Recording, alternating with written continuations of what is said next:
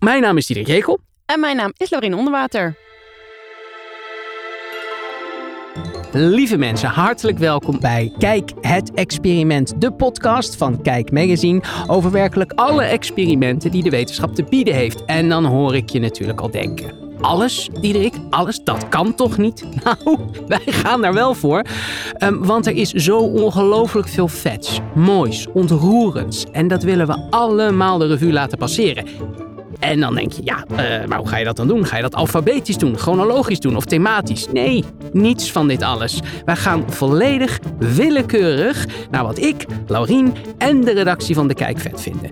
En we gaan in deze podcast samen met Visionair Ordinair de mooiste experimenten behandelen, de wetenschappers ontmoeten en ook zelf experimenten doen. We gaan hier experimenteel onderzoeken hoe we de best beluisterde podcast van kunnen maken. De podcast is dus eigenlijk ook een experiment op zich.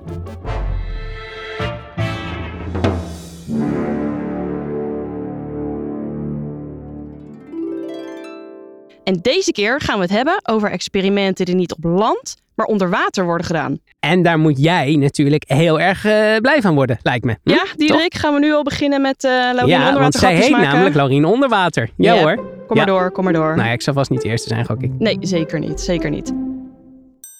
Voordat we het over water gaan hebben, wil ik het hebben over een van de grootste experimentatoren uit de geschiedenis. In 1610 keek Galileo Galilei als eerste door een telescoop naar Mars. Hij wilde meer over die planeet leren en dus dingen meten.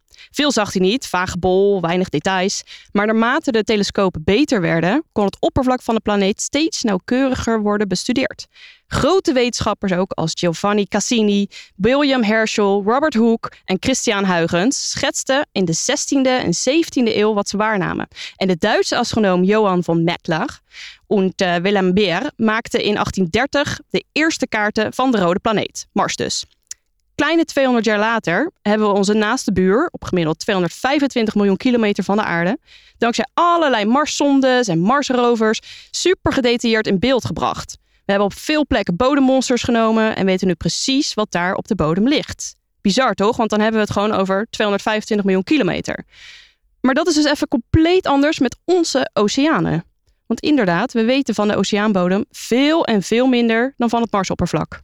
Ja, dat is natuurlijk ook omdat het vreselijk moeilijk is om te komen tot die diepte. Dat water, dat plet je als een olijf onder een stoomwas als je niet oppast. De ruimte is maar één keer de buitendruk minder. Uh, want er is namelijk geen druk daar. Maar het diepste punt onder water, ja, dat is gewoon ruim duizend keer meer. En dat is dus helemaal niet zo makkelijk. En we wisten trouwens heel lang heel erg weinig over de wateren op Mars trouwens. Uh, we weten nu inmiddels ietsje meer, omdat we daar heel nauwkeurig naar op zoek zijn, vanwege leven of niet. Maar het is wel grappig, want ons hele idee van de Marsmannetjes, dat is eigenlijk afgeleid van oceanen of water op het Marsoppervlak. En, en daarom heeft het wel iets te maken met die onderwater-experimenten. het is gewoon even een zijspoortje, maar, maar het is gewoon heel geinig. Kijk, zo'n twee eeuwen na Galileo, in de 19e eeuw, waren telescopen inmiddels al een stuk beter geworden. En in 1877 ging Giovanni Schiaparelli, eh, toen de directeur van het Brera Observatorium in Milaan, het oppervlak van Mars bekijken en natekenen. Want ja, geen fototoestellen. Hij zag lichte en donkere gebieden die hij zeeën en continenten noemde. En zag ook allerlei lange geulen en lijnen lopen die hij canali noemde. Uh, in het Engels werd dat heel snel naar uh, kanaal vertaald, terwijl hij eigenlijk meer een soort rivieren of stroken bedoelde. Maar ja, weet je, uh, je moet het zo zien. Op dat moment was net het Suezkanaal gegraven. In 1869 kwam dat af. En dat was gewoon een freaking wereldwonder. Heel de, de, de westerse wereld was daarvan onder de indruk. En ja, weet je, wij namen, de mensen namen daardoor heel erg snel aan dat toen ze horen, hoorden over kanalen op Mars dat dat waarschijnlijk een beetje die grootste structuren zijn, net zoals het Suezkanaal. En dat ze dus gemaakt waren. Nou, twintig jaar later was er een, uh, een astronoom, Percival Lowell, en die ging verder met dit verhaal. En die Lowell, dat is een superbelangrijk figuur, want die heeft het onderzoeksproject gestart op het observatorium dat naar hem vernoemd is, waar uiteindelijk 14 jaar na zijn dood, ja ja, de dwergplaneet Pluto ontdekt zou zijn. Dus dankzij Lowell hebben we Pluto. Um, en die naam Percival Lowell, zie je dus ook terug in het lettersymbool van de planeet Pluto. Dat is een, een soort combinatie van een P en een L. Uh, oftewel, je neemt het verticale streepje van de P en die gebruik je ook als verticaal streepje van de L, zeg maar. Dat dat onderste horizontale pootje onder de P uitkomt. Nou ja, um, en dat staat dus voor Pluto, maar ook voor Percival Lowell. Nou, dus belangrijke man.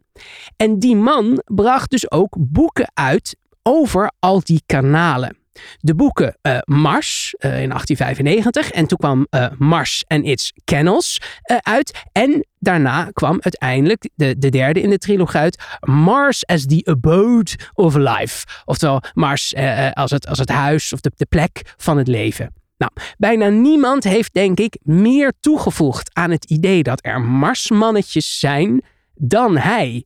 Dus het moraal van deze flinke side note is dat als je te weinig weet van een waterpartij, dan kan je zomaar ineens gaan geloven in, in marsmannetjes. En, maar die kanalen, zijn die er nou wel of niet? Eh, nee, nee, nee helaas. Het was een, waarschijnlijk gewoon een optische illusie en een hoop, hoop wensdenken van die astronomen.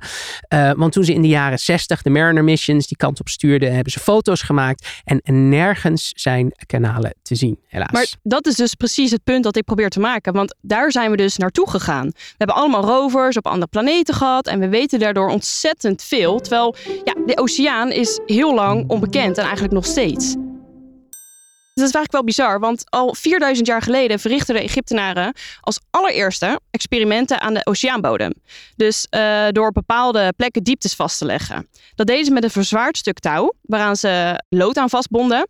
En dat liet ze op verschillende plekken in het water zakken. En dat touw was dan voorzien van merktekens die de diepte aangaven. En dat die Egyptenaren dit al deden, dat weten we dankzij een beeldje dat in een Egyptische tombe uit 2000 voor Christus is gevonden. Ja, vind ik echt vet. En dat beeldje toont dus een zeeman die zo'n verzwaarde lijn gebruikt om de diepte van het water voor zijn schip te meten. Ongelooflijk. Dat noem je dus um, de dieploodmethode.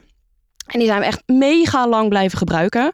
Want in het jaar 1521, dus hup, uh, 3500 jaar later, probeerde de Portugese ontdekkingsreiziger Ferdinand Magellaan te meten hoe diep de Stille Oceaan, of ook wel de Grote Oceaan is. Hij deed dat door een kanonbal aan een koord te binden. Zo, dat zei ik heel luid. Koord. Koord. Koord. Koord. Waarna hij die... Nee, het was een lang touw, niet een kort touw. Pardon. Uh, aan een koord te binden. Koord. Waarna hij die de zee in gooide. Um, nou goed, nadat hij na 732 meter nog altijd niet de bodem had bereikt, verklaarde Magellaan dat de oceaan onmeetbaar diep is. Lekker makkelijk. Nee, ja, uh, in ieder geval kon hij het letterlijk natuurlijk niet meten. Maar dit zijn toch wel de experimenten die ik zelf gewoon het allermooist vind. Ja, het enige wat je nodig hebt is een steen en een touw. En je kunt meten aan de wereldzeeën.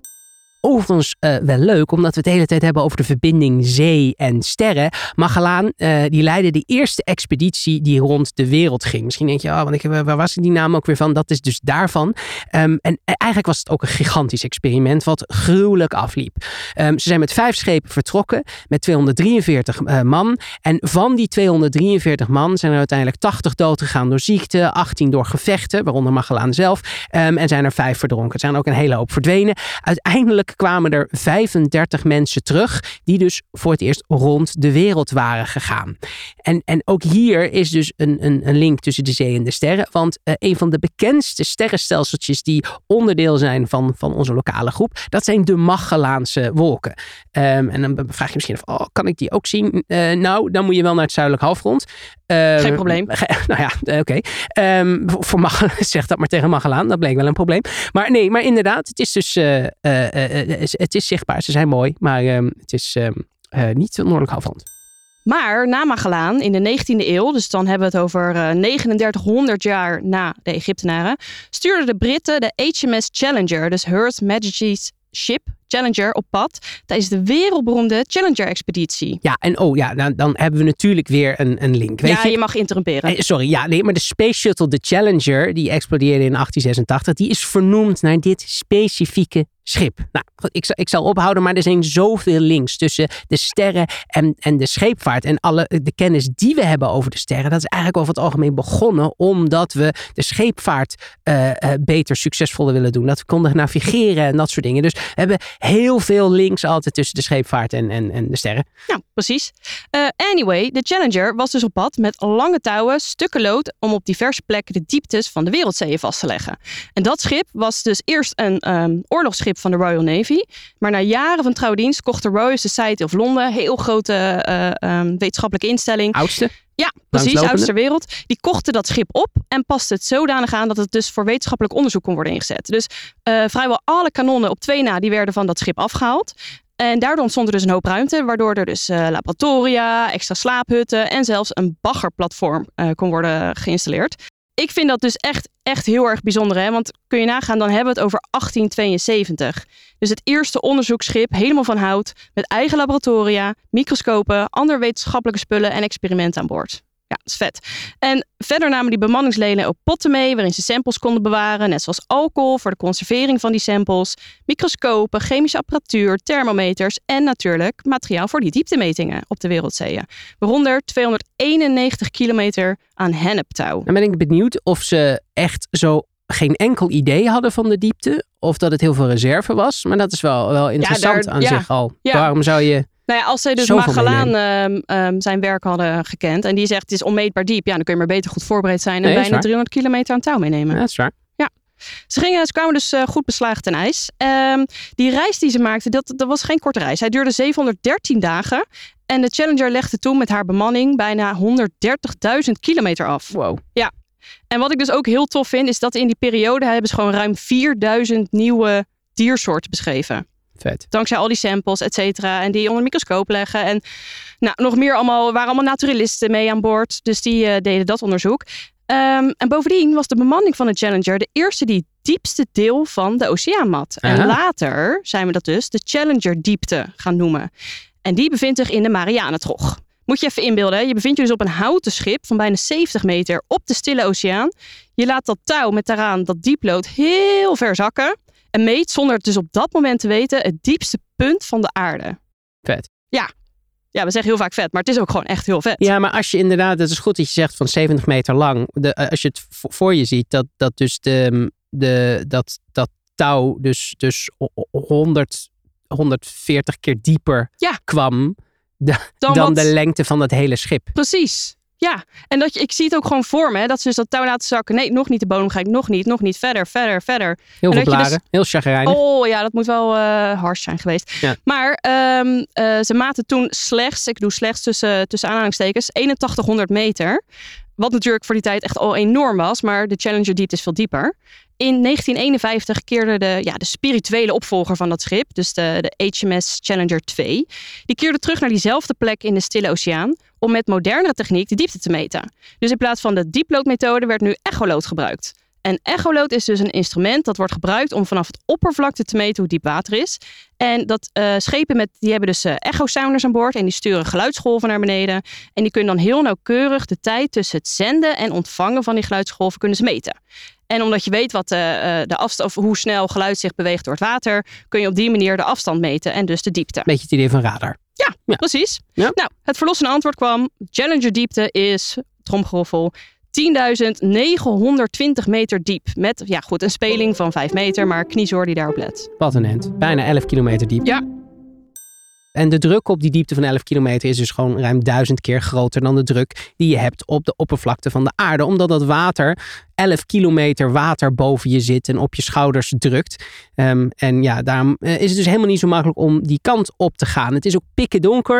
Het is iets van eh 3 graden Celsius. Het is niet aangenaam. En toch is er leven. Heel lang waren wetenschappers daarover aan het twijfelen. Er waren wetenschappers in het verleden die zeiden: joh, onder de 500 meter ga je niks meer aantreffen. Nou, was eindeloos debat. Totdat mensen daadwerkelijk gewoon gingen kijken. De Zwitserse oceanograaf Jacques Picard en de Amerikaanse luitenant Don Walsh eh, hebben dat in ne- in 1960 gedaan. En je kunt ze eigenlijk een beetje zien als de, het, tegenovergestelde uh, van, van Neil Armstrong en Buzz Aldrin. Um, zij waren in 1969 natuurlijk de eerste mensen op de maan, heel ver weg van de aarde, uh, hele grote hoogte. Terwijl Picard en Walsh de eerste waren die het diepste punt van de zee hadden bereikt. En dat negen jaar voor die astronauten. Ja, en op 23 januari daalden de twee avonturiers af in een ongekend spannend experiment. Eentje die misschien wel hun leven zou kunnen kosten en wat ze zou brengen op een plek waar nog nooit iemand was geweest. In een batiscaaf, Trieste genoemd, daalden ze af naar de Marianentrog. De Batiscaaf is een onderzeeër die speciaal voor diepzeeonderzoek is gebouwd. Want ja, je kan je wel voorstellen, dan moet je niet met een een of ander lichtgewicht dun ding uh, koekenblik eh, naar beneden gaan. Dat moet natuurlijk dikke ramen als je al ramen kan hebben. En, en dat moet uh, wat dat betreft natuurlijk mega stevig gebouwd zijn. Hij, Jacques, ontwierp dat vaartuig samen met zijn vader Auguste Picard. En het gaat hier dus om die eerste Batiscaaf ter wereld. En die werd in België gebouwd. Bij de Zuiderburen. Had ze flat. Had zomaar Nederland kunnen zijn. Nee, maar ik bedoel, super cool. Het is hier vlakbij uh, gedaan. En August heeft dat woord trouwens bedacht. Het komt van het Griekse bathos, diep, en skate, sloep. Café. Café. Ik heb geen idee hoe ik het uitspreek, want ik ben natuurlijk kundige en geen uh, linguisticus. Daar moeten we ook uh, experimenten voor ja. gaan verzamelen. Super vet. Genoteerd. Top. Nou, overigens ook leuk om erbij te vermelden dat August met een ballon en daaronder een luchtdichte gondel gehangen in 1931 een recordhoogte van 15,7 kilometer bereikte. Nou, het gemiddelde vliegtuig uh, uh, komt daar bij lange na niet eens. Dus papa Picard ging naar het hoogste punt in die tijd, terwijl zoon Picard 30 jaar later naar het diepste punt ging. Nou, samen hebben ze ook een record gezet in 1953 toen ze naar drie kilometer diepte gingen met hun batiscaaf. Dat was ook nog nooit eerder gedaan. Dus mocht je nou een moeizame relatie hebben met je vader, stel je dan eens even voor dat je naar drie kilometer diepte gaat met een batiscaaf en samen op elkaars lip zit. Nou, die Picards die verdienen sowieso een hele podcast op zichzelf. Want het is een hele familie van verkenners en avonturiers. Misschien wel een beetje de laatste echte grote uh, avonturiers die alle onbereikbare plekken bereikt hebben. En August was een inspiratie voor Kuifjes professor Zonnebloem bijvoorbeeld. Je, je moet de man maar eens googlen, dan snap je helemaal uh, waar het vandaan komt. En als je nou luistert en je bent een beetje een nerd, en dat zeg ik met alle liefde in me die ik heb, want ik ben ook een nerd, um, en dan kan je je wellicht afgevraagd hebben: hey, Picard, die naam ken ik toch van Star Trek, van kapitein Jean-Luc Picard, The Next Generation, onze kale, kale kapitein Patrick Stewart. Nee, nou, Grappig, die is dus niet vernoemd naar de Belg die als eerste het diepste punt van de oceanen bereikte, maar vernoemd dus naar zijn vader en oom, de broers Auguste en Jean-Félix Picard. Um, en, en zij waren bezig dus met die ballonnen en de bovenste lagen van de aardatmosfeer te onderzoeken. Een familie vol ontdekkingsreizigers en experimentatoren die uh, naar grootste hoogtes en diepste dalen op aarde gingen. Flinke hoogtepunten dus. Zeker. Goed, uh, we gaan nu naar, uh, terug naar die duik in 1960. Ik wilde zeggen dieptepunt, maar dat is dus echt totaal niet. Want het is echt, echt heel bizar en heel gaaf wat die mannen hebben gedaan. zij gingen dus afdalen naar de Marianentrog in die, in die Trieste. En dat duurde bijna vijf uur. Nou, ja. best wel een, een, tijdje. Moet je natuurlijk heel traag um, afdalen naar de oceaanbodem. En aanvankelijk ging dat probleemloos, zodat op een diepte van ongeveer 9000 meter werd bereikt. Want toen hoorden Picard en Walsh een luide barst. Ja, ja, dit is gewoon een even Apeldoorn bellen reclame. Ja, behoorlijk. dat je je hand er tegenaan houdt. Ja, absoluut. Precies. Dit, dit, hier word je toch heel nerveus van als je op 9 kilometer diepte ineens een barsje hoort. hoort. Een barsje. Alle alarmbellen zouden dan eigenlijk wel af moeten gaan. Maar nee hoor, deze twee avonturiers dachten, we gaan gewoon door. We zullen doorgaan. We zullen doorgaan. Het kan natuurlijk ook gewoon, ze konden ook niet echt terug, denk ik. Want je kan bijna nooit snel genoeg weer naar boven. Nee, ik kan nee, me voorstellen dat klopt. ze dachten, weet dat je, je wat. denkt, dan Let's gaan go. we nog. Precies, precies. En dat deden ze ook tot zijn diepte bereikte van maar liefst 10.916 meter. Ik denk dus ook dat je zo langzaam naar beneden moet. Ook gewoon een hele pragmatische reden. Als je niet exact weet hoe diep. Ja, als je het snel je wil gaat toch en ook je... een beetje voorzichtig zijn. Precies. je, als, je, als je ergens tegenop botst of zo. Rock bottom. rock bottom. Dat wil je toch een beetje voorzichtig Ja, doen. ja, ja. Eh, nou, eenmaal op die bodem, je- wat jij net zei, hè, donker, er komt geen, eh, geen licht dringt door, koud, eh, ellende. Tenminste, zo stel ik het me stiekem een beetje voor. Maar helemaal niet dus, want eenmaal op de bodem van de Marianentrog zagen Picard en Walsh verschillende levensvormen. Dus Zo waaronder, ja, waaronder vissen en vlookreeft. Dus die moeten tegen ontzettende druk op kunnen. Zien nooit in hun leven licht. Eh, maar die leven en gedijen daar gewoon. Bloedchagrijnig, ineens een schijnwerper van een, eh, van een Belg in je Gewoon met rust. Rot op, kom je van mijn rust. Nou ja, het is natuurlijk ook zoiets bizars dat de biologen van toen daar ook echt totaal geen eh, snars van geloofden. Die dachten van ja, nee, dat is onmogelijk dat zich zo diep leven bevindt. En het jammer was, de Trieste was niet uitgerust met wetenschappelijke apparatuur. Zoals die HMS Challenger dus eigenlijk wel was, bijna een eeuw eerder. Dus ze konden ook geen foto's nemen om het zeeleven te bewijzen. Het doel van de missie was natuurlijk ook niet om, om leven te zoeken, maar gewoon dat mensen zo diep in zee af kunnen dalen. Nou, ze verbleven daar zo'n eh, 20 minuutjes. En ehm, je zou denken, dat vind je toch wel mooi geweest. Ja. Ik denk dat ze er best veel langer hadden willen blijven. Maar die barsten in die kijkvensters, die werden dus alleen nog maar erger. Ja, ik zou het helemaal Spaans benauwd krijgen. Ehm, nou, Picard en Walsh besloten doen dus toch maar om terug te keren. Ze dumpten ballast, zodat ze eh, langzaam maar zeker naar het wateroppervlak stegen. Eh, en ik wil nu zeggen, ja, eenmaal terug op aarde. Want het klinkt toch wel alsof je op een andere wereld, eh, andere planeet bent geweest. Maar goed, het was gewoon onze wereld. Dus niet eenmaal terug op aarde, maar eenmaal terug op ground level werden Picard en Walsh als helden ontvangen. En dat vind ik helemaal terecht. En ehm, ja, lange tijd golden die twee heren dus als enige die een expeditie naar die bodem van de Marianentrog hadden ondernomen. Tot 2012, toen James Cameron, we kennen hem vast wel, filmproducent van Titanic, Avatar 1 en Avatar 2, eh, die ging in zijn eentje tot bijna 11 kilometer afdalen. Maar dat is dus de, de, de, de eerste keer weer Ja, sinds... Hij was pas de derde persoon. Maar dat geeft dus ook aan hoeveel moeilijker het is. Want Ja. toen we uiteindelijk mensen op de maan hebben gezet, hebben we er best gewoon... hoog tempo daarna. Ja, hebben we gewoon twaalf mensen neergezet, weet je wel. We hebben natuurlijk wel tot Apollo 17 zijn we door gaan vliegen Ja. die kant op. Ja. op een gegeven moment was gewoon eh, de publieke interesse was klaar. En, en alles was wel een beetje wetenschappelijk aan stenen verzameld. We hadden Ja. 350 kilo geloof ik. Dus ja, wil je dan nog geplant. meer vlaggen geplant, Precies. onderzoek gedaan, reflectortjes neergezet. Dus eh, dat was al genoeg om te stoppen. Maar dat is dus makkelijker, gek genoeg, Ja, maf hè? Dan naar beneden gaan. Op je eigen planeet. Je denkt, ja, het kan dus. Ja. Zo. Ja, klopt. Ja, en ik vind het ook echt lijp dat, dat Cameron dat dus in zijn eentje deed. Want dat, dat lijkt me echt nog het aller, allerengste eraan. Je gaat afdalen naar een hele koude, hele, eh, nou ik wil zeggen stille, maar het is daar niet stil. eh, donkere plek. En dat puur in je eentje waar de druk zo ontzettend hoog is dat als je ook maar één probleempje hebt, dan ben je echt de sjaak.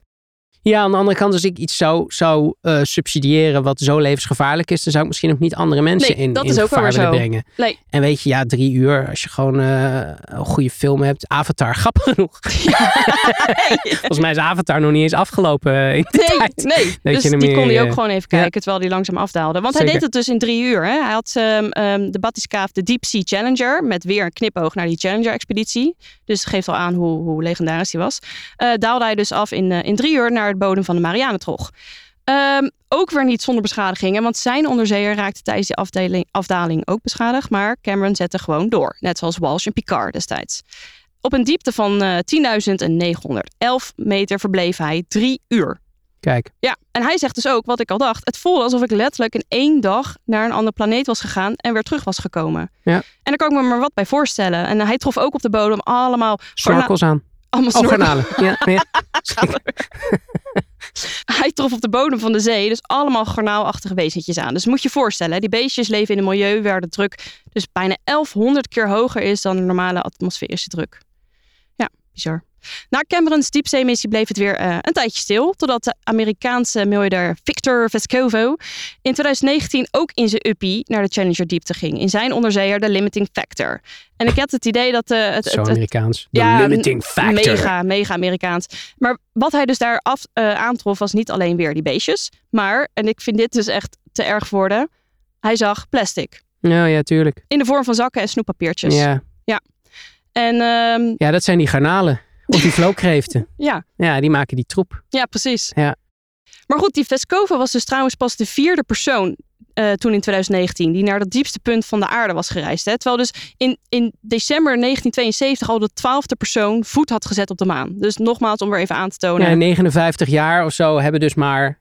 eh, Vier mensen. Vier mensen het gedaan. Ja. Ongelooflijk. Maar goed, nadat Vascovo dus naar beneden was gegaan in die limiting factor, was het hek van de dam. Want eh, toen gingen steeds meer mensen gebruik maken van zijn onderzeeër. Om ook dus die Challenger diepte in de Marianentrog een bezoekje te brengen. En in 2020 werden de Amerikaanse astronaut Catherine Sullivan en de Brits-Amerikaanse bergbeklimmer Vanessa O'Brien de eerste vrouwen die de Challenger diepte bezochten. Ehm, dat is dan wel weer een primeur, want er zijn nog steeds geen vrouwen op het maanoppervlak geweest. Zeker. zeker. Eh, inmiddels staat de teller dus op gaat, 7. gaat wel veranderen. Precies, ja, dat met gelukkig. de Artemis-missie eh, gaan we eigenlijk in 2025 dat, dat witte sausage fest, dat de maanlanding Ja. heet, gaan we eindelijk eventjes doorbreken. Heel dat goed. Is, eh, heel prettig. En eh, inmiddels hebben dus de mensen die de, de, de diepste punt van de aarde hebben bezocht, ehm, het aantal mensen dat op de maan staat overtroffen. Want de teller staat nu op 27. Het is natuurlijk uiteindelijk gewoon een soort toeristenmissie, met alle respect. En, Ja. en, en ook wetenschappelijk onderzoek natuurlijk, naar één punt. Weet je, het is, True. als, het is eigenlijk een beetje als een soort gondel in Zwitserland in, in- op een skigebied, zeg maar. Want je gaat gewoon op en neer, zeg maar. En dat betekent dus niet dat de zeebodem al helemaal in kaart is gebracht. Bij lange na niet. Nog steeds is 80% niet verkend. En, en dus dit hele quote in het begin over we weten minder van, van de zeebodem van Mars. Ik bedoel, we weten natuurlijk best wel veel over de zee en de oceanen. En we bekijken het met satellieten. En er is heel veel onderzoek wel gedaan naar de zeebodem. Maar toch, heel veel daarvan hebben we gewoon niet verkend, niet bekeken en niet bereden. Ehm, en het is dus gewoon heel weinig als je bedenkt dat wereldwijd maar 0,4% van al het wetenschapsgeld naar oceaanonderzoek Precies. gaat.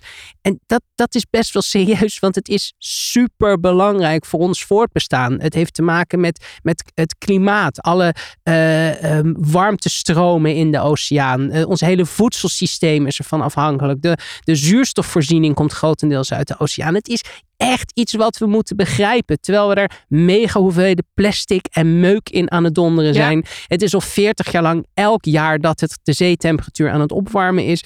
Dus wat dat betreft is het super belangrijk dat we denk ik meer aandacht gaan besteden eh, aan oceaanonderzoek. Maar ja, weet je, eh, dat is ook waar we zo lang troep erin gedumpt hebben. Het is een beetje uit het oog, uit het hart. Je Precies, ziet het niet. is echt een soort eh sea blindness dit. Ja, het lijkt wel alsof Maakt het gewoon helemaal een niet uit wat daar allemaal gebeurt. Nee, het lijkt wel een soort grote parkeerplaats Ja. waar je auto niet Ja. in blijft drijven. Weet je, ik bedoel, wat daaronder zit, ja, maakt het uit. Ja, uit het oog, uit het hart. Ja. Eh, gelukkig komt er dus dan wel verandering in. Want de Verenigde Naties die, ehm, die, die riepen in 2020 dat de komende tien jaar de Decade of Ocean Science for Sustainable Development eh, eh, wordt. Dus het decennium van oceaanwetenschap en duurzame ontwikkeling. Maar die hebben naar de podcast geluisterd. Ja, uiteraard. Dat is- ja, dat- dat, dat, dat doen alle mensen die bij de VN werken. Zo, ja, dat hoop ik wel. Terecht. Ja. En ook de, de non-profit organisatie GEPCO en de filantropische instelling Nippon Foundation hebben dus het project Seabed 2030 of 2030 in het leven geroepen. En dit project heeft dus het nogal ambitieuze doel om voor eind 2030, dus hè, ze hebben nog eh, iets minder dan zeven jaar, de volledige zeebodem in kaart te brengen. En wat ik daar dan vooral aan tof vind, is dat er ook een Nederlands bedrijf bij betrokken is, namelijk Fugro. En dat is gespecialiseerd in het in kaart brengen van de oceaanbodem. en die, eh, die, die draagt een, eh, een steentje bij aan het klaren van deze monsterklus. Nou, eh, kijk, met een kleine knipoog hebben we het de hele tijd over hoe je dus op de grond van een andere planeet, namelijk dat van Mars, misschien wel meer vertrouwd voelt dan op de grond op de aarde. Daar bij een lange strook eilanden die je kunt vinden als je een paar honderd kilometer oostelijk van de Filipijnen en ten zuiden van Japan en ten noorden van Indonesië kijkt. Eh, we we hebben het gevoel van dichtbijheid omgeruild van vlakbij naar een andere planeet. Vele miljoenen kilometers hier vandaan. En dat brengt ons misschien wel naadloos of vreselijk geconstipeerd, dat laat ik in het midden, naar een van de meest wonderlijke experimenten die je zelf kunt doen. Ehm, eh, en ik vind dat echt een van de vetste experimenten. Ehm, ik heb het over de rubberen handillusie. En ja, wie kan dit nu beter doen dan alle mensen behalve ik? Eh Laurien bijvoorbeeld. Ja, nou, je Eh, kunt je beter afvragen, en wie is hier nou wederom de lul? Absoluut. Laurien. Absoluut, zeker. Nou, Ja. eh, vertel, we gaan iets, eh, we gaan iets heel Ja, vets doen. ja, ik vind het, eh, ik vind het dus spannend. En ik Ja. heb het je honderd keer geappt natuurlijk van tevoren. Van, oh Diederik, ik, nou, ik, ik kijk er tegenop. Dat wil ik niet zeggen, dat is een groot woord. Maar ik vind het dus spannend, want we gaan dus dan die rubberen handillusie doen. Ehm, ik heb een rubberen hand besteld. Eh, die rubberen hand die is dus thuis bezorgd. Perfect, die heb ik bij me. En wat wij dus gaan doen, is die rubberen hand in het zicht plaatsen en mijn eigen hand niet. Dus die, die echte hand die wordt dus vervangen door die rubberen hand. En die echte hand die gaat uit het zicht. Die mag ik niet zien.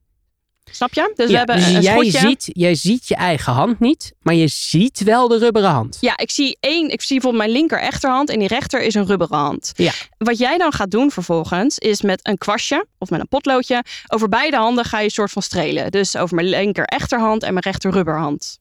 Ja. Ja. En ehm, dan op een gegeven moment, eh, dat doe je dus de hele tijd synchroon. En ehm, op een gegeven moment ga ik dan die rubberhand als mijn eigen hand ervaren. Ik leg straks uit hoe dat werkt in de hersenen.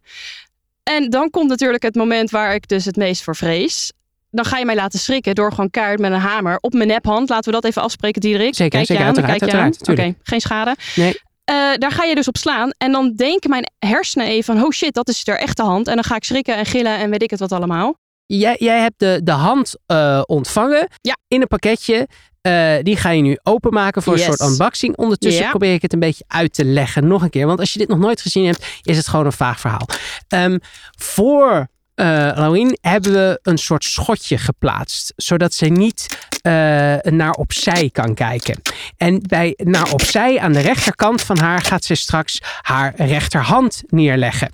Ehm, aan de andere kant van het schotje zetten we de rubberen hand neer. Die op dit moment met heel veel geweld uit de verpakking getrokken wordt. Ehm, en aan de, aan de andere kant van het schotje zit dus een rubberen hand. Nou, ehm, ik ga vervolgens met eh, een kwastje tegelijkertijd en over de rubberen hand vegen en over haar echte rechterhand vegen. En in het hoofd van Lorien gaat dan het wonder geschieden dat op een gegeven moment zij, doordat ze steeds een streling voelt met haar rechterhand en ziet met de rechter rubberen hand, gaat ze op een gegeven moment die twee door elkaar halen. Kijk toch, dit is. ik wow, denk dit dat is heel creepy nu al. Je hebt. Waar, je bent hier al heel erg ongemakkelijk al over. ik... eh, Wa- Wat er inmiddels gebeurd is, is, is eh, we hebben nu de, de nephand in haar rechtermouw gestopt. En die staat nu naast haar linkerhand, die gewoon uit haar linkermouw komt. En je vindt dit eigenlijk al een beetje creepy. Ja, Het lijkt nu alsof die rare, weirde nephand, ja. Straks ook gewoon zijn vinger kan optillen. en alle respect, niet de meest geloofwaardige nephand is.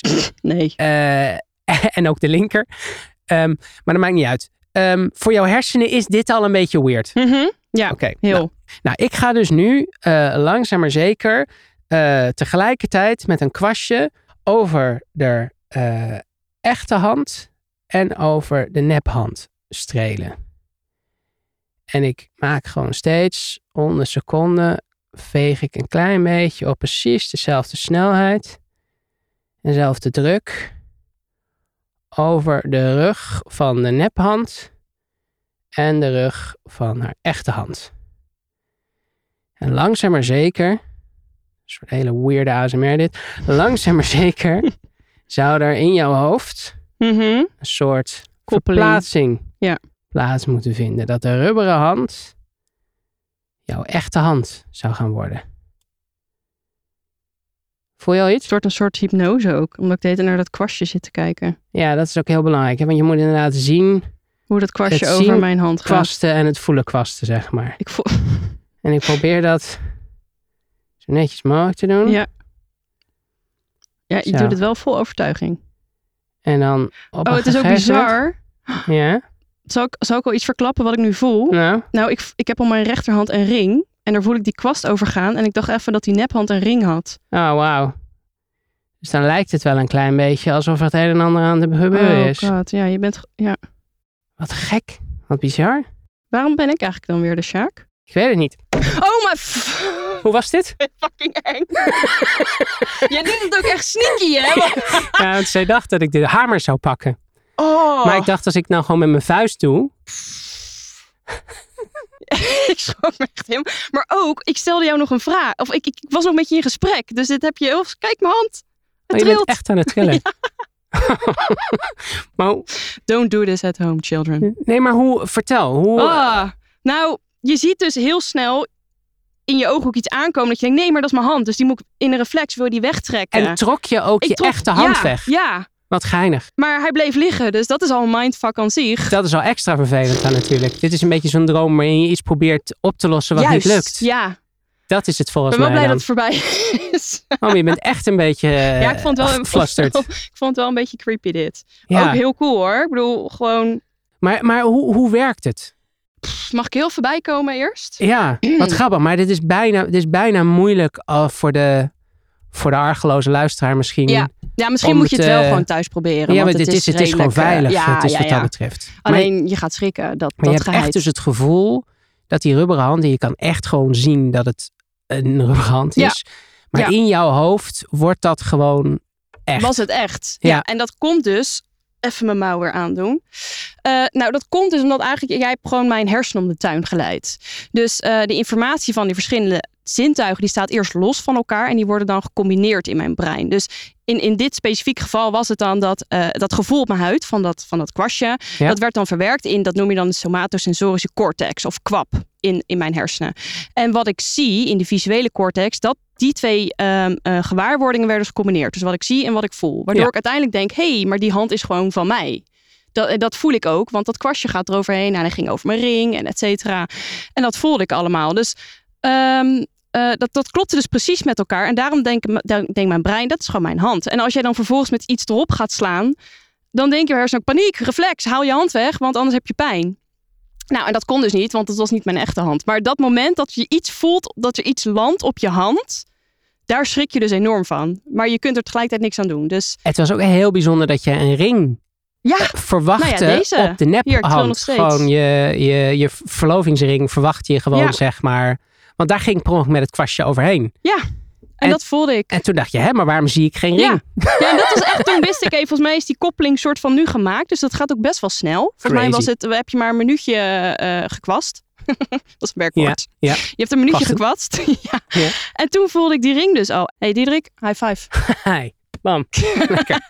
Goed werk. Nou, um, mocht je dit nou beluisteren in de auto. Uh, en denken, oh, wat was dit leuk geweest als er een camera bij was. Die, die is die erbij, is er, ja. die hebben we. Maar dat kan natuurlijk niet via je, je autoradio, want je mag, moet op de weg letten. Um, maar dat kun je dus terugvinden op de website. En al onze social kanalen van Kijk, dus kijkmagazine.nl. Op Twitter Kijk Redactie, op Facebook at Kijk Magazine en op Instagram at Kijk Magazine. Kijk, bam, daar Kijk, kun je het en daar moet je echt terugvinden. naar kijken, want Ja, het is dan, leuk. je, dan gaan we een compilatie doen van geschokte gezichten. Juist. Dit, dit was natuurlijk e- een heel vet experiment. En daarom doen we het. Want deze, deze podcast gaat nota bene over vette experimenten. Maar dan denk je natuurlijk, oh, wat heeft dit dan te maken met onderzeeonderzoek? Um, en dat is een hele legitieme vraag. Want uh, het op eerste, oog, uh, eerste oogopslag lijkt het totaal van niet. Maar uh, vergeet niet, deze hand is van plastic. Ja. Deze nephand. Ja. En ook James Cameron, die trof dus, en, en die Vincent... Victor Vescovo. Victor Ja. Die vond ook allemaal plastic op de oceaanbodem. En uh, plastic, dat is inmiddels het eerste waar denk ik mensen aan denken als je het hebt over de oceanen, oceaanonderzoek. Plastic, Plastic soep, ja. uh, boyanslat. Uh, het is natuurlijk gewoon een van de grootste uh, milieutechnische uitdagingen van deze tijd. Um, en daarom kunnen we eigenlijk niet anders, denk ik, dan het hebben over zo'n soort onderzoek en experimenten die gedaan worden in zee die te maken hebben met de plastic soep. Dus, Precies. Laurien, wie hebben wij Nou, in de aanbieding? Daar ben ik echt heel blij mee. Wij hebben hier Maaike Goudriaan in de studio. En Maaike die uh, heeft promotieonderzoek gedaan aan het Koninklijk Nederlands Instituut voor Onderzoek ter Zee. Dus Niels. ook wel het NIOS. Ja. Uh, heel groot, heel bekend, heel vet. En zij deed onderzoek naar bacterie eten... Bacteriën eten plastic. plastics. Ja, ja, naar plastic etende bacteriën. En weet je, al best wel lang was wel die, was wel die theorie van... Nou, er zijn bacteriën, die kunnen allemaal plastic verwerken... tot hele kleine stukjes dit. En dan is het weer prima, is, is het plastic uh, uit zee gehaald. Maar het was nooit echt bevestigd. En dat heeft zij dus gedaan tijdens haar promotieonderzoek. En Zij dat, heeft dat gevonden, die beestjes. Juist, die bacteriestam die niet alleen in zee leeft, maar ook uh, gewoon op land. En um, nou goed, Maaike gaat ons dus helemaal vertellen hoe zij dat onderzoek heeft uh, uitgevoerd. Dus uh, Maaike, superleuk dat je er bent. Onlangs het nieuws gehaald met een heel gaaf onderzoek. En dat was jouw promotieonderzoek. Kun je daar wat meer over vertellen? Uiteraard. Mijn promotieonderzoek gaat dus in hele brede zin inderdaad over plastic in de oceanen. En het stuk wat uh, laatst in het nieuws kwam, dat ging over een heel specifiek experiment waarbij we een nieuwe methode hebben ontwikkeld om plastic afbraaksnelheden te meten. Want dat plastic dat valt uit elkaar in steeds kleinere en kleinere stukjes. Uiteindelijk, als bacteriën daarbij betrokken zijn, het eindproduct is CO2. En wij wilden heel specifiek kijken naar hoe snel uh, vormt zo'n uh, bacterie nou eigenlijk CO2 uit dat plastic. We hebben plastic genomen met zogeheten koolstof 13. Dus daar zitten dan stabiele isotopen in. Uh, voor mensen die niet precies weten wat een isotoop is, stel het je gewoon voor als een soort van vlaggetje of labeltje wat heel klein is, wat aan die atomen zit. Uh, dat kun je dus met het blote oog niet zien, maar met uh, apparatuur in het lab kan je dat dus wel meten. Dus je markeert ze eigenlijk? Ja, je markeert ze inderdaad. Ja. Dat plastic hebben we eerst beschenen met UV-licht. De reden dat we dat doen is dat uh, plastic wat in de zee drijft, dat vangt natuurlijk ook zonlicht op. En we weten dat onder invloed van UV-licht plastic ja, als het ware beschadigd raakt en uit elkaar valt stel dat je plastic tuinmeubilair jarenlang in de zon buiten laat staan, dan gaat het ook verkleuren en dan wordt het een beetje bros. En we weten dus door wat dat uh, eh, UV-licht doet met het plastic, dat bacteriën het weer makkelijker op kunnen eten, omdat er wat scheurtjes en ja, breukjes in zitten. Het is dus ook een proces wat natuurlijk gebeurt. Dus we hebben dat plastic, dat is beschenen met UV-licht. Dat doen we in een fles met een zoutoplossing. En daar hebben we een bacterie aan toegevoegd, de rode coccus ruber. En vervolgens hebben we in die fles gemeten over de periode van een maand uh, hoeveel CO2 er wordt gevormd en uh, hoe snel. En dat labeltje, die markering die in het plastic zat, daar vind je dus ook terug in de koolstofatomen van het CO2. Dus je kan dan uh, direct terugrekenen hoeveel CO2 er gevormd is uit het plastic. En dat is dus een indicatie voor hoeveel uh, die bacteriën dat plastic hebben omgezet. Ja, dus dat is een indicatie van hoeveel van dat plastic is afgebroken door die bacteriën en hoe snel. En kan, kan een bacterie uiteindelijk uh, alles verteren? Blijven ze net zo lang dooreten totdat het weg is? Dat weten we nog niet precies. We hebben nu natuurlijk heel specifiek naar één bacterie gekeken. Nou, we weten dus dat hij er CO2 van maakt. We weten dus ook dat hij het deels uh, om kan zetten in biomassa. Dus hij kan het gebruiken als, als een voedingsstof om uh, zichzelf te vermenigvuldigen. En we weten ook dat er nog andere moleculen vrijkomen. Maar uh, die kunnen we nog niet heel specifiek meten, omdat we niet weten of datgene wat in het water opgelost zit van het plastic komt door het UV-licht of door de bacterie zelf ons experiment duurde maar een maand. Misschien als het langer duurt, dat hij dan wel meer van dat alles afbreekt. Maar hoeveel was er in een maand weg? Hoeveel was dit? Is dat 1%, 10%?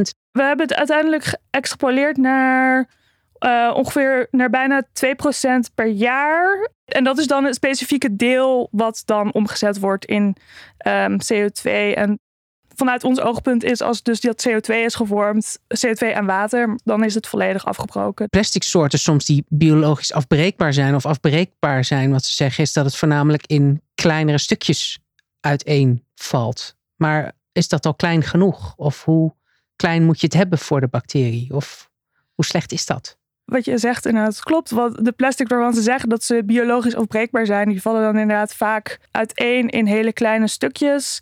Plastics die biologisch afbreekbaar genoemd worden, zijn eigenlijk wat je noemt composteerbaar. Dus die worden in bepaalde industriële setting, in industriële processen met hele hoge temperatuur nou ja, hele hoge temperatuur, maar rond de 60 graden wordt die afbraak gemeten. Dus als het daar dan afbreekt, wil dat nog niet zeggen dat het in het zeewater ook afbreekt. Die kleine stukjes, dan heb je dus inderdaad te maken met microplastics of nanoplastics. En er komt wel steeds meer onderzoek naar buiten in de afgelopen jaren dat dat uh, schadelijk is bijvoorbeeld microplastics in, in oesters of in garnalen, maar ook uh, dat micro- en nanoplastics in ons drinkwater zitten en dat dat zelf weer in het, ja, dat het dus weer in het menselijk lichaam terechtkomt. Van andere dingen weten we dat gewoon nog niet, omdat het zoveel verschillende soorten plastic zijn en zoveel verschillende soorten moleculen. Ja, is dat dan klein genoeg? Ja, waarschijnlijk wel. Ja, uiteindelijk moet het stukje zo klein zijn dat het in de bacteriële cel kan voordat hij er iets mee kan. En die zijn natuurlijk ja, heel klein. En jij uh, hebt vooral je onderzoek verricht naar uh, Rhodococcus ruber. Is dat de enige bekende plastic etende uh, bacteriesoort? Of uh, nou, er zijn ondertussen uh, een paar bekend. Ik denk dat de bekendste uh, Ideonella sacchayensis is. Die is bekend omdat hij petflessen afbreekt. Ik denk dat dat de eerste is die echt groot in het nieuws uitgemeten is uit mijn hoofd. Maar er zijn bepaalde waxmot, soort ja, de larven van motten, die schijnen dan weer bacteriën in hun darmen te hebben die plastic af kunnen oh, breken. Oh, wow. Er zijn er wel meer bekend, maar ook weer niet heel erg veel. Um, er zijn ook een paar uh, schimmels bekend uh, die iets met plastic kunnen. Dus best wel wat ontdekt als ik het zo hoor. Ja, er zijn er verschillende ontdekt waar ze daadwerkelijk tests mee hebben gedaan. Dan wel met de zogenaamde biologisch afbreekbare plastics. Dan wel met ja, meer conventionele plastics zoals polyethyleen of PET die niet als biologisch afbreekbaar worden gezien. Maar hebben ze bijvoorbeeld een heel dun filmpje van dat plastic en daar leggen ze dan uh, wat bacteriën op en dan kijken ze of daar zo'n soort van clear zone, een soort van halo omheen eh, ontstaat, waar de, waar de bacterie dan het plastic heeft weggegeten of, of schimmels. Uh, en wat ook heel veel gebeurt tegenwoordig is ja, DNA-technologie is natuurlijk steeds goedkoper. Dus dat er in het genetisch materiaal van bepaalde bacteriën wordt gekeken of er bepaalde enzymen aanwezig zijn waarvan ze weten dat die enzymen ook in staat zijn om, om olie uh, af te breken. Uh, want er wordt ook best wel veel onderzoek gedaan naar olierampen en wat daar dan voor bacteriën zitten. Dus wat dat betreft zijn er twee categorieën eigenlijk. Ja. Er zijn dus bacteriën waarvan het echt bewezen is van oké, ze kunnen het afbreken, er ontstaat zo'n clear zone. Of we zien dat ze een biofilm vormen op een stukje plastic. En als we dan die biofilm weghalen, dan zitten er dus allemaal kleine putjes in plastic. Dus waarschijnlijk hebben ze daar iets mee gedaan. Ja. En dan is er nog de categorie waarvan ja, die suspect zijn. Dus die potentieel dat zouden kunnen afbreken op basis van een genetisch materiaal, maar wat nog niet uh, bewezen is. Maar hieruit rolt dan vaak vanzelfsprekend denk ik de vraag van... oké, gaan al deze bacteriën dan ons helpen met het plastic probleem op zee? Ja, die, die vraag krijg ik inderdaad heel vaak. Ik denk zelf niet op de korte termijn. De resultaten die wij vonden was natuurlijk al relatief langzaam. Dus het gaat dan over 2% per jaar. Dus dat zet niet heel veel zoden aan de dijk. Uh, aan de andere kant, stel dat je een stukje plastic zou hebben dat in uh, eh, 1990 in de zee is beland uh, en elk jaar verdwijnt er 2% door bacteriën. Dan telt het best wel op. Dan verschijnt er best wel wat. Maar ja, dus het is niet echt een snelle, korte termijn oplossing. En de hoeveelheid CO2. Als je miljoenen, miljoenen tonnen, ik weet niet hoeveel het is, maar dat allemaal omzet in CO2, dan hebben we een heel ander probleem, toch? Precies, ja. En dan hebben we inderdaad ook een, weer een heel ander probleem. Dus dat is. Uh... Het is hoe dan ook geen oplossing. Voorkomen is in dit geval echt weer as usual beter dan ja, genezen. Beter dan eh, genezen, ja. Maar waar, waarom, waar komt jouw interesse of het interesse van jouw type onderzoek vandaan? Toch wel neem ik aan, los van het feit dat het fundamenteel natuurlijk gewoon interessant is en je als wetenschapper dat wil doorgronden. Maar het, het hangt toch wel een beetje in de categorie van wat zouden we aan plastic kunnen doen, toch? Of niet? Nou, de insteek van het onderzoek was vooral ja, iets wat de Missing Plastic Paradox wordt genoemd. Dat is een term die ergens rond 2005 in de literatuur uh, naar voren kwam. Het idee was: oké, we, weten precies hoeveel plastic er jaarlijks wordt geproduceerd sinds de jaren 50, sinds de, massaproductie van plastic startte we hebben ook wel ongeveer inzicht in hoeveel van dat plastic uiteindelijk afval wordt. Van de ene regio van de wereld weten we dat wat beter dan van de andere, maar we kunnen daar wel een van maken. En dan zijn er ook schattingen van oké, hoeveel van dat plastic afval zou uiteindelijk in de zee belanden. Ja, er zijn heel veel verschillende metingen uh, gedaan aan het zeeoppervlak vooral. Van oké, hoeveel plastic vinden we terug? En op een gegeven moment hadden mensen iets van oké, maar als ik zo de, de metingen bekijk die we hebben, dan is dat veel lager dan wat we zouden schatten op basis van hoeveel plastic er jaarlijks wordt geproduceerd. Wat gebeurt er dan met dat plastic? En één ding is natuurlijk, kijken alleen naar de zeeoppervlakte, maar er zijn ook plastics die zinken, die niet van zichzelf een positief drijfvermogen hebben, zoals dat heet. En als plastics worden begroeid met iets, dan gaan ze ook weer zinken. Er zijn dus al die micro- en nanoplastics die zo klein zijn. Nou ja, die kan je heel moeilijk meten. Uh, maar de gedachte was ook: oké, we weten dat er bacteriën en schimmels op plastics groeien. Misschien doen die er ook wat mee. Want er zijn ook bacteriën en schimmels die, die olie kunnen afbreken. Dus zouden ze ook plastic af kunnen breken? En zo ja, wie zijn dat dan? En hoe groot is hun aandeel dan in dat verdwijnen van dat plastic wat we missen? Dat was de motivatie van dit onderzoek vooral. En we wilden vooral een nieuwe methode ontwikkelen. Het zou toch ook wel handig zijn als wij mensen daarop konden leven. Zeker. Plastics. Dan was het helemaal snel gegaan met het probleem. De hoeveelheid plastic waren we dan, was wel het overgewichtsprobleem dan misschien nog weer groter geweest. Maar dat, uh, ja.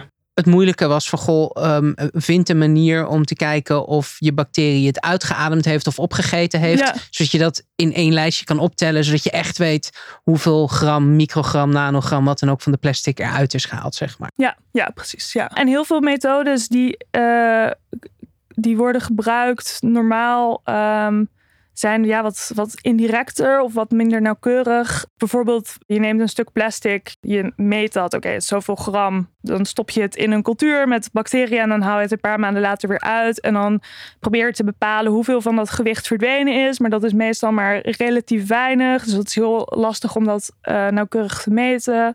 Nou, wat ik al eerder aangaf, dat ze kijken, oké, het groeit erop in een biofilm en zie je daaronder dan putjes. En nou ja, dat lijkt wel op een bacteriële cel, dus misschien heeft die bacterie er iets mee gedaan, maar het is allemaal vrij indirect en onnauwkeurig. En met deze methode kan je dus inderdaad zien van, oké, dit, dit koolstof 13, dit, dit, deze markering, dit label, dat komt van het plastic en dat zit nu in het CO2 en, en in de bacterie. En je kan dan inderdaad heel nauwkeurig optellen van oké, hoeveel heeft hij gebruikt. Als je dus eh, een plastic soort maakt met alleen maar die, die, die zeldzamere koolstof 13 erin en dat scheiden van die verschillende soorten koolstof is heel prijzig. Ik denk dat je dan een, een van de duurste stukjes plastic die er is tot je beschikking had, of niet?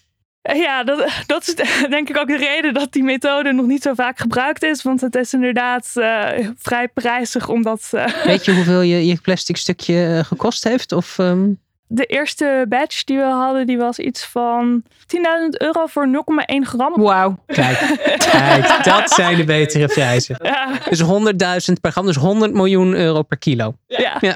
ja. Nou, dat is een dure thermosfles. Dat, is, dat kun je wel zeggen, ja. Dat is een hele dure thermosfles. Maar goed, wel een heel, uh, er kwam wel een mooie methode en een gaaf resultaat uh, uitgerold. Leuk, Maaike, leuk dat je langskwam in, uh, in onze in onze studio. Ja. En um, graag gedaan. Ik, ik hoop eigenlijk nog wel veel meer hiervan te horen. En ook dus van die methode, ook hoe duur die ook is. nou ja, en dat die bacteriën, je hebt natuurlijk ook niet zoveel nodig. Want die bacteriën eten natuurlijk ook niet heel veel, dat nee. betreft. Dus, uh... Het lichtpuntje wat ik er dan aan vind, is dat, uh, nou ja, oké, we hebben al dat plastic afval, wat door de mens in de natuur terecht is gekomen. En dat is niet zo heel goed voor de natuur. Maar mocht er een moment zijn dat er niet meer extra plastic afval in de natuur komt, dan kan de natuur zich blijkbaar toch herstellen. Laten we daar aan vasthouden. Ja. Dankjewel, Maaike. Graag gedaan. En dat was het alweer. En langzaamaan komen we weer terug naar het wateroppervlak. En dat moet je altijd rustig aan doen als je van grote dieptes komt. Want anders krijg je natuurlijk die verschrikkelijke gevraagde cassonziekte. Um, en terwijl we langzaam maar zeker omhoog aan het drijven zijn, willen we graag nog eventjes de mensen van bedanken. Dat is hoe het onder water visionair, ordinair zou klinken. Dat zijn natuurlijk onze, onze helden die dit uh, tot een uh, mooi product hebben geproduceerd. En verder wil ik jullie nog wijzen op een promocode podcast Um, als je die invult op www.kijkmagazine.nl slash aanbieding, dan kun je daar elke mogelijke editie die je ook maar enigszins zou willen met 50% korting bestellen. En ik gok zelfs dat ze dat gewoon naar je huis toe sturen. Um, dat, dat, dat lijkt me fantastisch, anders moet je helemaal naar de redactie en dat is ook zo'n gedoe. Dus eigenlijk is er geen enkele reden om niet even naar kijkmagazine.nl slash aanbieding te gaan. Um, en terwijl wij langzaam maar zeker omhoog gaan uh, naar het wateroppervlak, uh, hebben we even de tijd om jullie uitgebreid te bedanken voor het luisteren naar de eerste vijf afleveringen van Het Experiment. En het was een experiment. Man, man, man, wat was het een reis. Maar we hebben echt nog heel veel vette plannen. Uh, echt heel cool. Ons volgende seizoen wordt echt te gek. Uh, dus ja, ik hoop dat jullie ons toch ook nog wel eventjes willen helpen met iets. Dat zou heel fijn zijn. En we weten dat iedereen dit altijd vraagt. Maar toch, vond je dit nou leuk? Wil je het dan alsjeblieft delen en liken? En waar vind je ons dan? Nou, op Twitter vind je ons Kijkredactie. Op Facebook en Instagram Kijkmagazine. En natuurlijk bezoek ons uh, website zo nu en dan. Want hè, staan hele toffe artikelen. Ja, en deel dan vooral via de podcastkanalen, de Spotify's en de weet ik veel. Juist, Ja, juist. Goede toevoeging, Diederik. En zo. Ja, ja, ja, ja. Want uh, ik weet niet hoe het met jullie zit, maar ik kijk dus echt ontzettend uit naar het volgende seizoen. En uh, ja, niet om je te pushen, maar man, wat gaat er nog veel vet gebeuren. We willen heel graag de redactie van Kijk Magazine, mijn leuke team, bedanken. En onze sponsor. ja, ja, hier had uw naam kunnen staan. Absoluut. Maar goed, ja, ja, uh, ja, moet je wel even belletje plegen. Absoluut. En natuurlijk jullie luisteraar heel graag tot volgend seizoen. En Diederik, ik kijk nu even naar jou. Partner in crime. Ja. Ik vond het fantastisch leuk om te doen. Ik vond het heel erg leuk. En vond het een beetje als afscheid, maar het is niet hoor. Nee, we komen gewoon weer terug. En, en hoe zeg je in het Leids uh, tot ziens? Uh, nou, ik zeg gewoon toeledoki. Toeledoki. En dan ga je haring en witbrood delen of zo. Nou, is dat jullie niet zo doen? lekker. Vind je dat niet zo nee, lekker? ik ben wat op dat misschien een beetje een nepleiner. Maar ik hou wel van hutspot. Met Ah. klapstuk. Kijk, 3, 3 oktober. 3 oktober. Dan ben je als een bal. Ja? Als een bal. Ongelooflijk. Volgende keer gaan we jouw uh, je, achtergrond we aanpakken. de 80 jaar oorlog voor gevochten hebben. Om het als bal te eindigen. Ja, Oh, oh. oké, klaar. Kat.